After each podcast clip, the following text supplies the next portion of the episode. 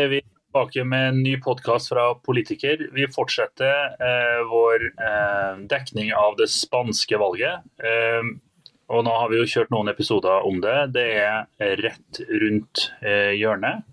Eh, og da er vi eh, Tore er altså fortsatt på ferie. Han har reist til et, et sted uten dekning, faktisk. Så han Uh, rakk ikke å være med på denne, men bare for å uh, virkelig komme inn i valgstemningen, så har vi fått med oss uh, Jeg har fått med meg Patrick English, som er fra Associate Director i Hugo, har ansvaret for, for europeiske valg.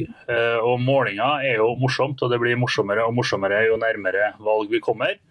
Så dette blir en fin avrunding på vår dekning av den spanske valgkampen. Og så kommer vi selvsagt tilbake etter valget med Eh, og resultatet og, og, hva som skjedde. Men da, Denne podkasten blir også på eh, engelsk. Det er jo eh, ikke mange nok eh, målingseksperter eh, om Spania som, som, snakker norsk, men dette tror jeg blir en, en spennende samtale. So, Patrick, welcome to the podcast. It's hosted by, by me uh, and a, a, friend of mine uh, who's now on vacation. So now you're uh, getting the solo appearance. so your name is Patrick English, and you are English, uh, and you are uh, working in YouGov as an associate director. Uh, and as far as I understand it, your area of expertise or what you cover is the European scene and, and politics. Is that right? Yeah, that's right. Hi, thanks very much for having me on. I am indeed Patrick English. I am indeed uh, English and Irish as well. Uh, lovely uh, uh dual passport holder, which is always nice. Uh, so, um, yeah, I, am the associate director at YouGov. I uh, cover the, the vast majority of our work on elections across Europe. That includes the United Kingdom, obviously, where I'm based, but also Spain, of course, Italy, Denmark, France, Germany, all examples of countries that sort of I've, I've, I've been worked in and, and, done election polling. And so one of, one of my competencies here indeed is, is sort of looking across Europe at elections and indeed looking across Europe in terms of social attitudes, how political attitudes are evolving, how political movements are changing, and what impacts that might have uh, at a European level and indeed as, as, for the UK as it is now a, a third country to, uh, to, to the Union. That's very. Uh, it sounds like a very interesting job uh, that you. Have. Also, sounds like you're the perfect guy uh, to talk to about this uh, about the upcoming Spanish election. Yeah, We've had covering it. One of the reasons we started this podcast was to to make sure, well, to to help improve the conversation about European politics uh, in Norway, uh, but also to learn more about what's happening with politics around Europe and around the world for that matter. And now we're living stage where politics have gotten to be very interesting. Uh, the Spanish election, no, uh, no exception to this. Uh, so we, we we became a little obsessed with the Spanish election uh, since Sanchez uh, pulled this gamble of calling an early election right after getting crushed in the local elections, which is counterintuitive uh, to a political uh, political mind. Like usually, you would like your opinion polls to kind of stabilize after an election loss before you call another snap election. But that was not what Sanchez did. He called a snap election, short election campaign, right after getting uh, not so good uh, local election results uh, just before summer. So it's been a short campaign. One, a few of the guests we've had on the show sort of outlined a few components of his gamble, sort of trying to force unity on the left to merge into a bigger party to get more rewards from the uh, electoral system in Spain, and also to maybe try to glue uh, the conservatives to Vox and try to sort of use the sort of anti-populist sentiment uh, to gather support for a more united uh, left of center uh, frame. But I was wondering, Patrick, if you just run through how you're seeing this play out now. So has the gamble um, has it played out the way Sanchez intended, uh, and how is it looking uh, on the eve of the election? Yes, so I think that's a, a, very good summary of, of the motivations and, and, perhaps the, the reasons why Sanchez went uh, as, as quite as quickly as he did. I think a really important component to that is trying to push the right on the back foot and also trying to maybe let, let's say crystallize some of the motivation among voters uh, on the left of the political spectrum to say well a lot of you probably didn't turn out in the local elections so here's an excuse to turn out because if you don't, look what's going to happen. PP and Vox are going to form a government, and then you're going to be living in one of these European states now that has right wingers, sort of far right wingers in government. You sort of look at Italy and uh, and say, do you want that? Well, if you don't, come out and vote for me. Uh, to an extent, in terms of has that gamble paid off, I'd say it's probably about 70% yes. So if we look at the polling, it has narrowed, and certainly that's mostly driven by uh, the, the PSOE, Sanchez's party, coming up, let's say, around about three points from where the average was at the time of the local elections. And PP depending on who you ask, there's quite a big split at the minute in the polls. There's, there's a group of pollsters, which includes us, who think that the uh, the, the PP lead is somewhere around about. Um, four points, three points, five points, so narrow, not quite enough to get a majority along with Vox. There's another group of pollsters led by GAD3, basically, who are a, uh, quite closely aligned to PP, who say that the lead is somewhere in the order of eight or nine points, which would certainly be enough to put um, the, uh, the, the, the sort of centre right and, and probably the, the far right party Vox into government. So uh, if you kind of if, if you if you if you believe our side of the story, I guess, or our, our framing of it, it does look like Sanchez's gamble of well, if I go now, it will force the right into a campaign they're not ready for, and they certainly weren't ready for it. It was very much put them on the back foot. It took them a long time to really get to grips with it and get to grips with what they were going to say and do. They thought they had until the autumn to plan this, and particularly to plan how they were going to approach the issue of Vox and potential attacks around bringing them into government. Uh, and they didn't have the time to do that.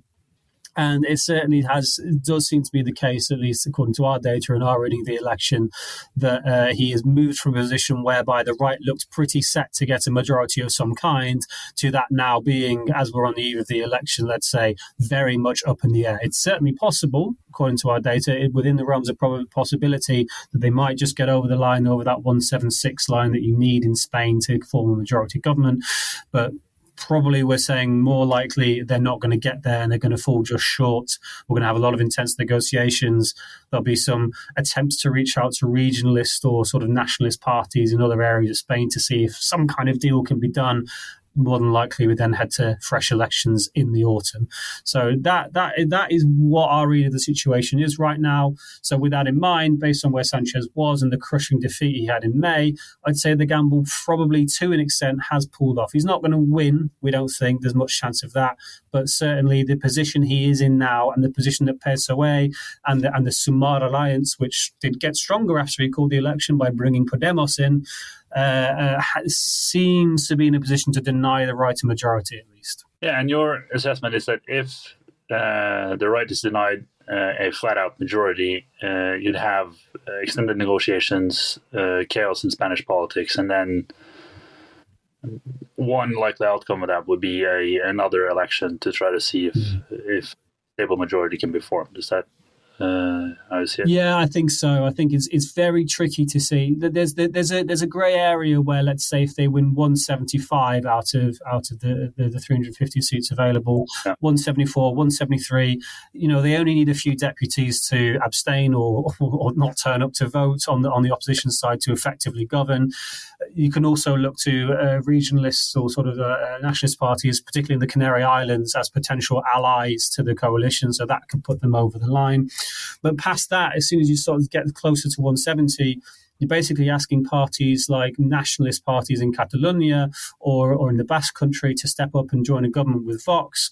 The problem being there that Vox do not believe that these autonomous regions should exist. They don't believe yeah. in nationalist identities, and they one of their core missions is to basically get rid of these parties and these these systems, these identities. So it's very very difficult to see how even right wing nationalist parties such as Junts or such as a, a um, would, would sort of would join forces with a coalition that involved a party that essentially wants them to not exist. So it gets very very tricky very fast for the right, a potential right majority as soon as you move away from that 176 line. So definitely fresh elections would be much more likely than not the closer we get to 170, maybe even 165 for for for, for the right. Yeah. So what you're saying then is that listeners to this podcast can can at least anticipate and maybe even look forward to further coverage of Spanish politics going into the autumn. Absolutely, uh, yeah. I think that's that's that's our call. Our call right now. Uh, our, our, our, last MRP poll was 175 seats for the right, so it'd be an immensely tricky territory. Uh, as almost almost sort of uh, uh, basically saying hung Parliament elections again to come. And as, as for what happens in those elections, goodness only knows. Like that that that would have been the time where the these elections were supposed to say quote unquote have happened. So by then, who knows? Will Sanchez still be there? Will will he take this as a victory or, or a defeat and, and leave? Will Sumar, the alliance of, of all the left wing parties left of PSOE, will they still exist? Will they compete as a bloc or will Podemos break away? Yeah. You know, well, what happens with the uh, sort of the regionalist parties? Everything will be up in the air again. So plenty to uh, look forward to, let's say, in that sense, if fresh elections did happen yeah. in the autumn. Yeah, so uh, this is very interesting, and, and, it just sort of is one of those things where you start sort of poking at the edges, and it just becomes more interesting. Mm. Uh, but uh, so then uh, your assessment and expectation is a, a an election campaign where Sanchez is able to sort of deny he will lose the election, but he denies them an outli- outright majority, uh, and then sort of gets himself or, or someone else um, a second chance come come November or, or ish when the, when the elections will take place. Yeah. But was he sort of reset or, or start the political conversation on his terms. So he would, looking at the economic data from Spain, it's not all that bad. is is performing. It's certainly not the worst in Europe. Maybe even uh, performing quite good. Uh, so he would want to uh, have a, a positive frame around the economics, and he would want it to be uh, a, a type of referendum on whether to allow Vox to come into Spanish politics. Uh, that would be his, as far as I can understand it, that would be what he would have wanted to be the national conversation around this election. And then Vox maybe would have wanted more discussions on the union, uh, um, one Spain, um, negative to, to the separate, separation movements in, in other types of uh, uh parts of the country. Was he able to to achieve that? Did he achieve a campaign where he was able to talk about his things, where the country sort of got the narrative, uh, or uh, or did something else happen, or or did nothing happen and no one really was prepared, so there wasn't any campaign at all? Yeah, I, th- I, think largely a combination of the latter. The the, the snap way in which this was called, and there are sort of theories that Sanchez just kind of basically stormed out of a room and decided that's it, we're having an election without even his party being too ready for, for what was about to come. So, in terms of a formal campaign and the usual processes and and and and uh, let's say procedures that would have been built around or infrastructure been built around campaigns, they simply weren't there.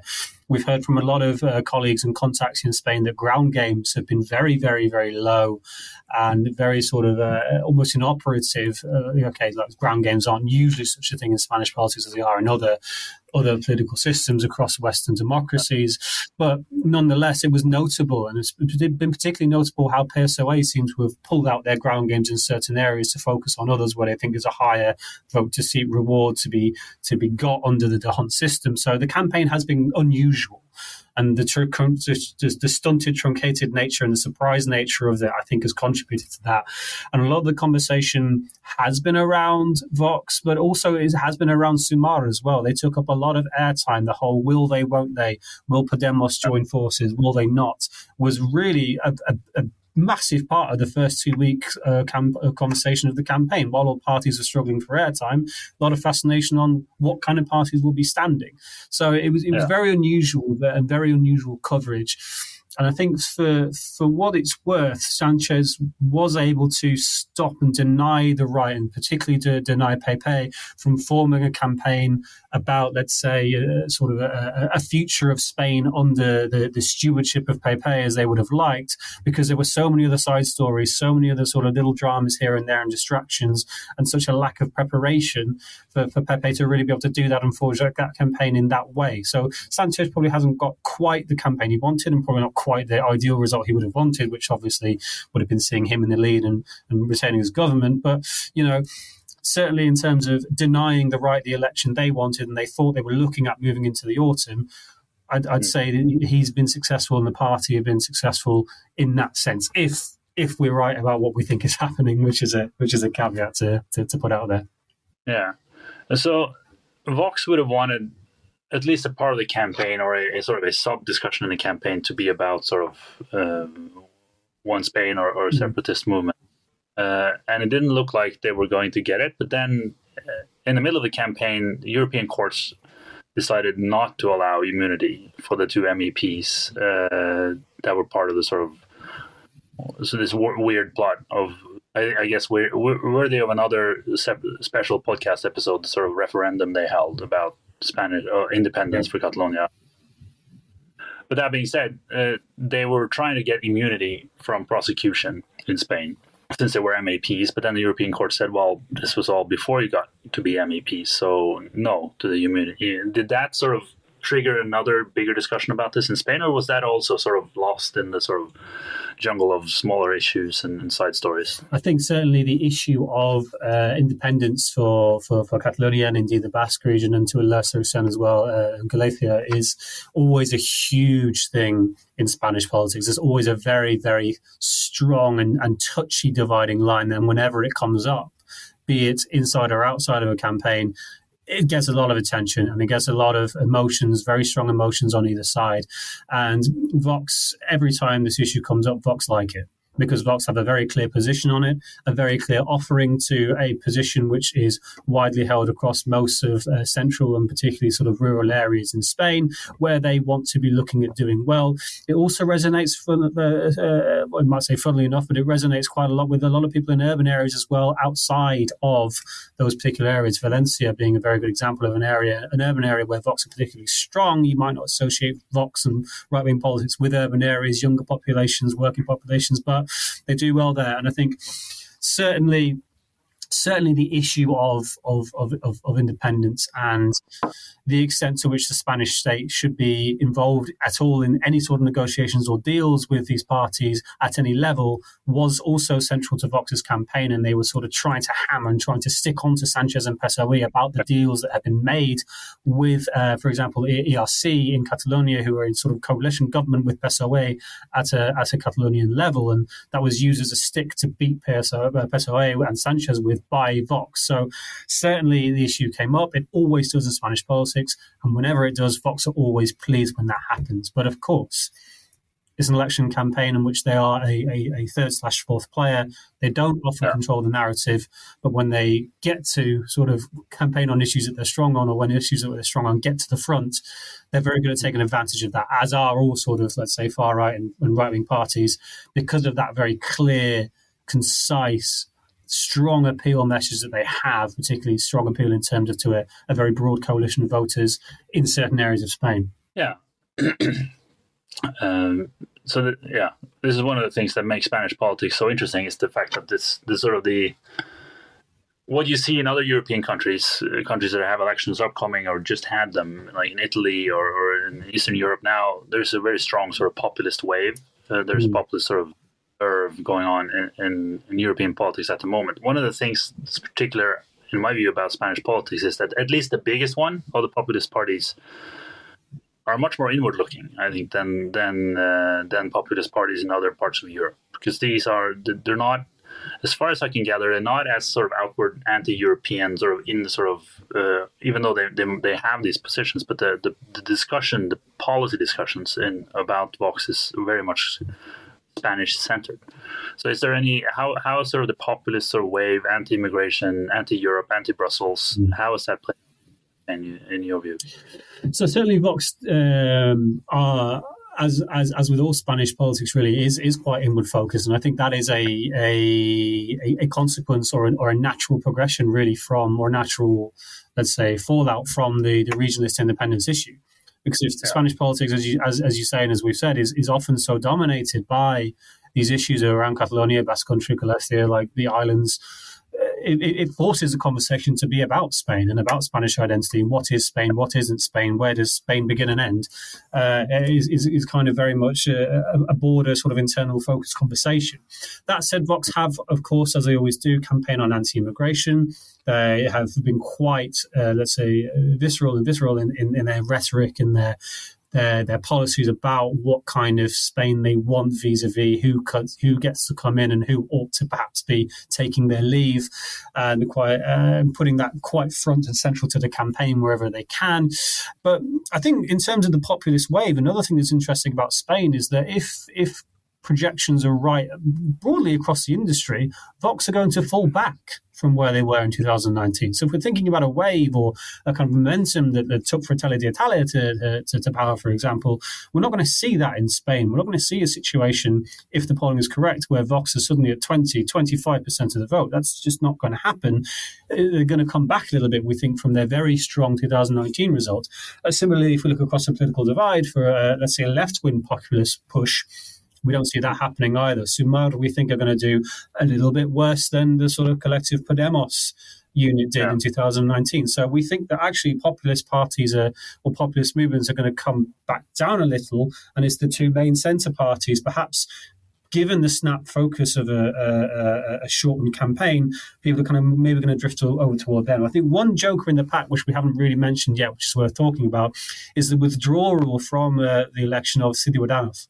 So this is a, a centre right party who uh, probably has been mentioned on, on previous episodes of the pod, sort of uh, had a fantastic result in the uh, first 2019 election, looked as though they might be able to get into government, overplayed their hand, and then in the following election in November of 2019, almost got wiped off the map in terms of, uh, uh, of deputies. They ended up with 10, uh, just over a million votes, went into chaos. They lost basically all of their councillors in the May elections, the local elections of this year, decided to step out entirely from uh, Spanish politics for the foreseeable future.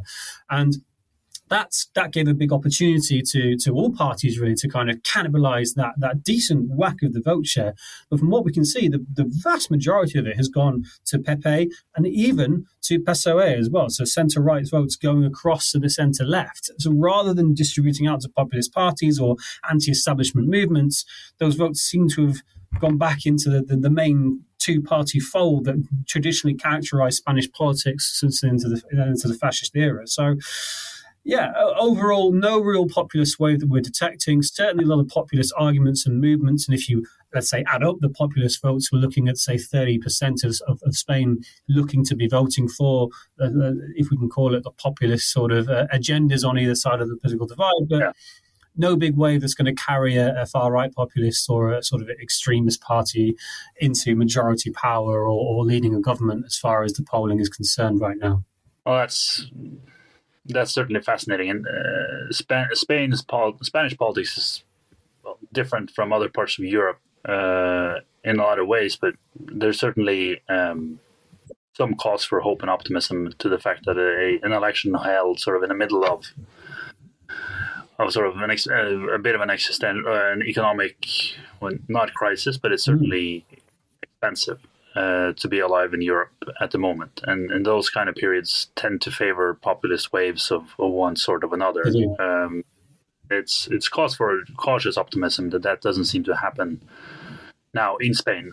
I think one of the things any sort of campaign operative would would think about when there's an election upcoming, and now there's an election on, on Sunday, is it's obviously the weather. Mm. Um, and the weather has been quite extreme in Spain thus far. It's been crazy hot all summer. There's been some stories uh, in the news uh, about being unable or, or having trouble finding um, election officials and people to sort of work in the um, work with sort of doing the election. But how do you think the weather have played out, both in terms of being a topic in the campaign, climate change, etc., uh, as issues in the discussion, but also how How's it going to play out on Sunday? Hmm. Because temperatures have been really high. I imagine it not being super nice standing in line for hours on 35 40 degrees weather. Um, typically, when it's difficult to vote, that doesn't favor center left parties. Mm. Uh, but I don't know how that's what is your view on how that will play out in Spain and has played out through the campaign? Yeah, so it's, it's been remarkable, I think, that despite the, the, the weather and the, the, the prominence of the heat, how little climate change and issues around it have featured in the campaign. Certainly, they've been there or thereabouts, but it's not been the case that it's been a, a focus or a fascination by by anybody really to point at the sky and go, "That's a problem. Should, should, should we talk about that or deal with that?" It's kind of not really happened to any great degree. So that's been the, that's been quite quite quite interesting, really.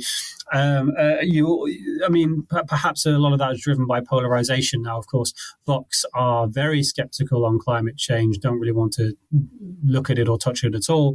And if you're PP, you, you're, you're worried about losing your voters to Vox, so probably you don't want to talk about it too much either. If you're PSOE, you don't want to give sort of perhaps, let's say, um, some of your base that may be more predisposed towards voting for right wing populist parties, as we have seen with so many centre left parties across European politics.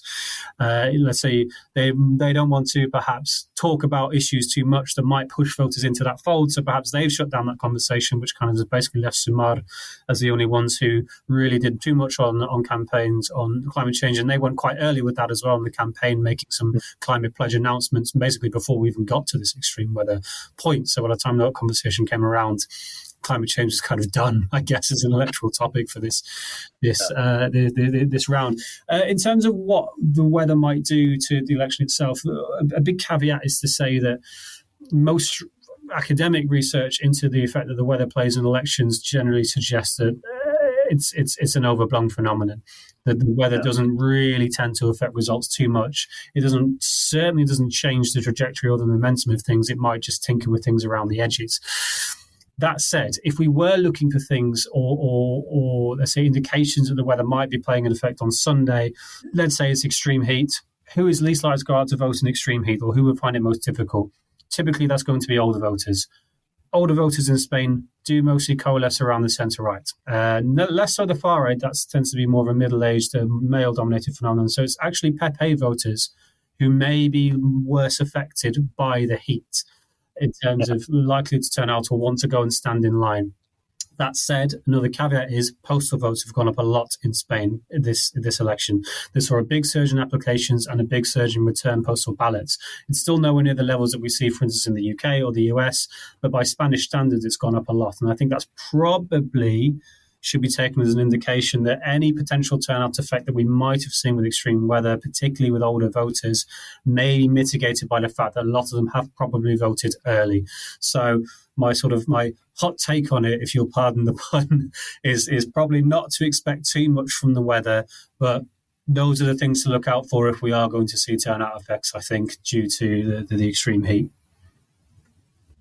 All right. Uh, but it's certainly in an election where, as you said, there are basically two camps of, of pollster. One say a majority um, for the right wing, one say a hung parliament. And certainly uh, on the margins, everything becomes one of those situations where everything kind of becomes interesting. Uh, but as the postal votes are going up, that's in the numbers. Obviously, it will, will probably mitigate any weather-related effect. But it's interesting also that climate change is not been that much of an, on the agenda, even though the weather has been mm. hot uh, and, and, extreme. And the coverage in, in Norway has mostly been centered around Norwegian tourists. Um, yes.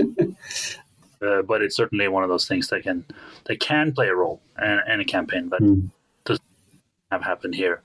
So, sort of summing up where we are uh, now on the eve of, of the of the of the election, it's it, it looks like it will be a situation where Sanchez's gamble has played out to some extent in that he's not going to get a victory, but it's not. he seems to be able to mitigate his loss a little. Uh, deny them a flat out majority uh, would be high on his wishing list, I guess, on Sunday. And then being able to secure another chance uh, to uh, run another campaign in in, uh, in November uh, in this fall, and then see if if if that might enable him to majority. But it's certainly going to be an interesting election to follow. Sunday will be an exciting day, and then um, we might reach out to to are on the actual election result. But but it's going to get interesting. I don't know. Do you have any sort of so you're one of the big things here is whether Sanchez will, will if he loses the election, which he most likely does, uh, will he frame it as a victory on behalf of his uh, Campbell, or will he sort of stand and say, "Well, we lost this election, someone else can take over"? My view of Sanchez's history is it doesn't seem to be that kind of guy. Uh, he fought really hard to to get his get where he is now. Um, but I don't know. What do you think will be the most likely outcome on on Sunday night or whenever Spanish election results actually are? Yeah, I think, uh, as far as I understand, we should expect to see results on, on Sunday night and get a very clear picture of what has happened uh, quite fast. So that's something to look forward to as well. I don't know, we don't have to stay until 5 a.m. to figure out what on earth's going on. Um, one thing which might be interesting or tricky is, is of course, the Spanish electoral system uh, has D'Hondt within 52 parliamentary constituencies. So you have to wait yeah. for every single vote to come in within the constituency to actually figure out who gets those last seat allocations. And in a um, parliament where we think the election is going, whereby a majority could be decided by one or two seats, that could be very, very important as to who is getting the, the sixth, the seventh, the eighth seats in these larger constituencies. Who's getting the third seat in the rural areas? Is it another PSOE seat or is it Vox coming through the middle? So it could be a situation where we actually have to wait quite a long time to figure out exactly what has happened, but we should get a pretty clear sense quite fast in terms of how the vote count is looking. Now, in terms of what Sanchez will do, I do think it depends on uh, let's say the polling is right about the fact that PP are going to win, uh, it, it's going to decide, uh, going to depend a lot on that margin of victory. I think you're right to say that Sanchez is not the kind of person who, at the first sign of defeat, will simply up sticks and leave and let somebody else come in. He's going to want to look for ways to frame this as a success, and I think his barometer, or the, the, the indeed his barometer and the, and the barometer that the party would accept, is can he demonstrate that from between May and now he has really changed things for PSOE and really made a difference. And that would be denying a majority. It would also be bringing PSOE up from the sort of the 22, 23, 24% they were in at the polls then up to something around 28, 29, 30. Can he demonstrate, look, I'm turning this around? And my, yeah. my first act was this. This is just part one of two. Act one, mm. call election now, deny them a majority, crystallize, galvanize momentum on the left, force Sumar and Podemos to join forces and kind of take more seats away from the right. I did all this. This was all my doing. Now let me do part two and get us back into government in November. I think that's that's that's kind of what he's going to be looking to do. To the extent that he will find that realistic or his party will find that realistic, I think depends on, you know, where the PP and Vox end up if they end up on 173, 4, 5, 6, 7, 8, I don't think he's going to be able to make that argument. But if they are if they are down toward 170 or even lower, I think he will stay on, and I think his party will actually go. Do you know what? Fair enough. Have another crack in November. Interesting, uh, and certainly something to, um, from a spectator spectator point of view, uh, to look forward to. Uh, one of the things that you're saying also is that Spain will then who assumes presidency uh, of the European Council now, will spend this presidency bickering among themselves. snap election and then negotiations and then uh, most likely another election campaign in November. So it'll be well, it'll be in any case an opportunity lost for, for Spain to sort of set its mark on, on Europe, but it certainly will be uh, a process that will leave a mark on Europe. Uh, if uh, especially if Vox come in and, and have in Spanish politics. But I think that's where um, uh, that's what we had time for for today. But thanks so much for coming on and uh, and uh, telling us more about Spanish politics and the upcoming uh, election. My pleasure. And we'll we'll maybe reach out and, and see if you can come in and explain what has happened, especially if there's a, a really close. Yes. Uh, don't don't call me if there's a big PP majority and I've, we've got the model horrendously wrong. I'll be hiding under a rock. Da er vi ferdig med denne episoden. Forhåpentligvis neste uke er vi tilbake både jeg og Tore for å gjennomføre en, en felles podkast. Inntil videre så er det bare å se fram til det spanske valget på søndag, eh, og videre dekning av det både i norske medier og eh, utenlandske medier og her på, på denne podkasten. Og inntil videre også eh, god sommer til alle dere.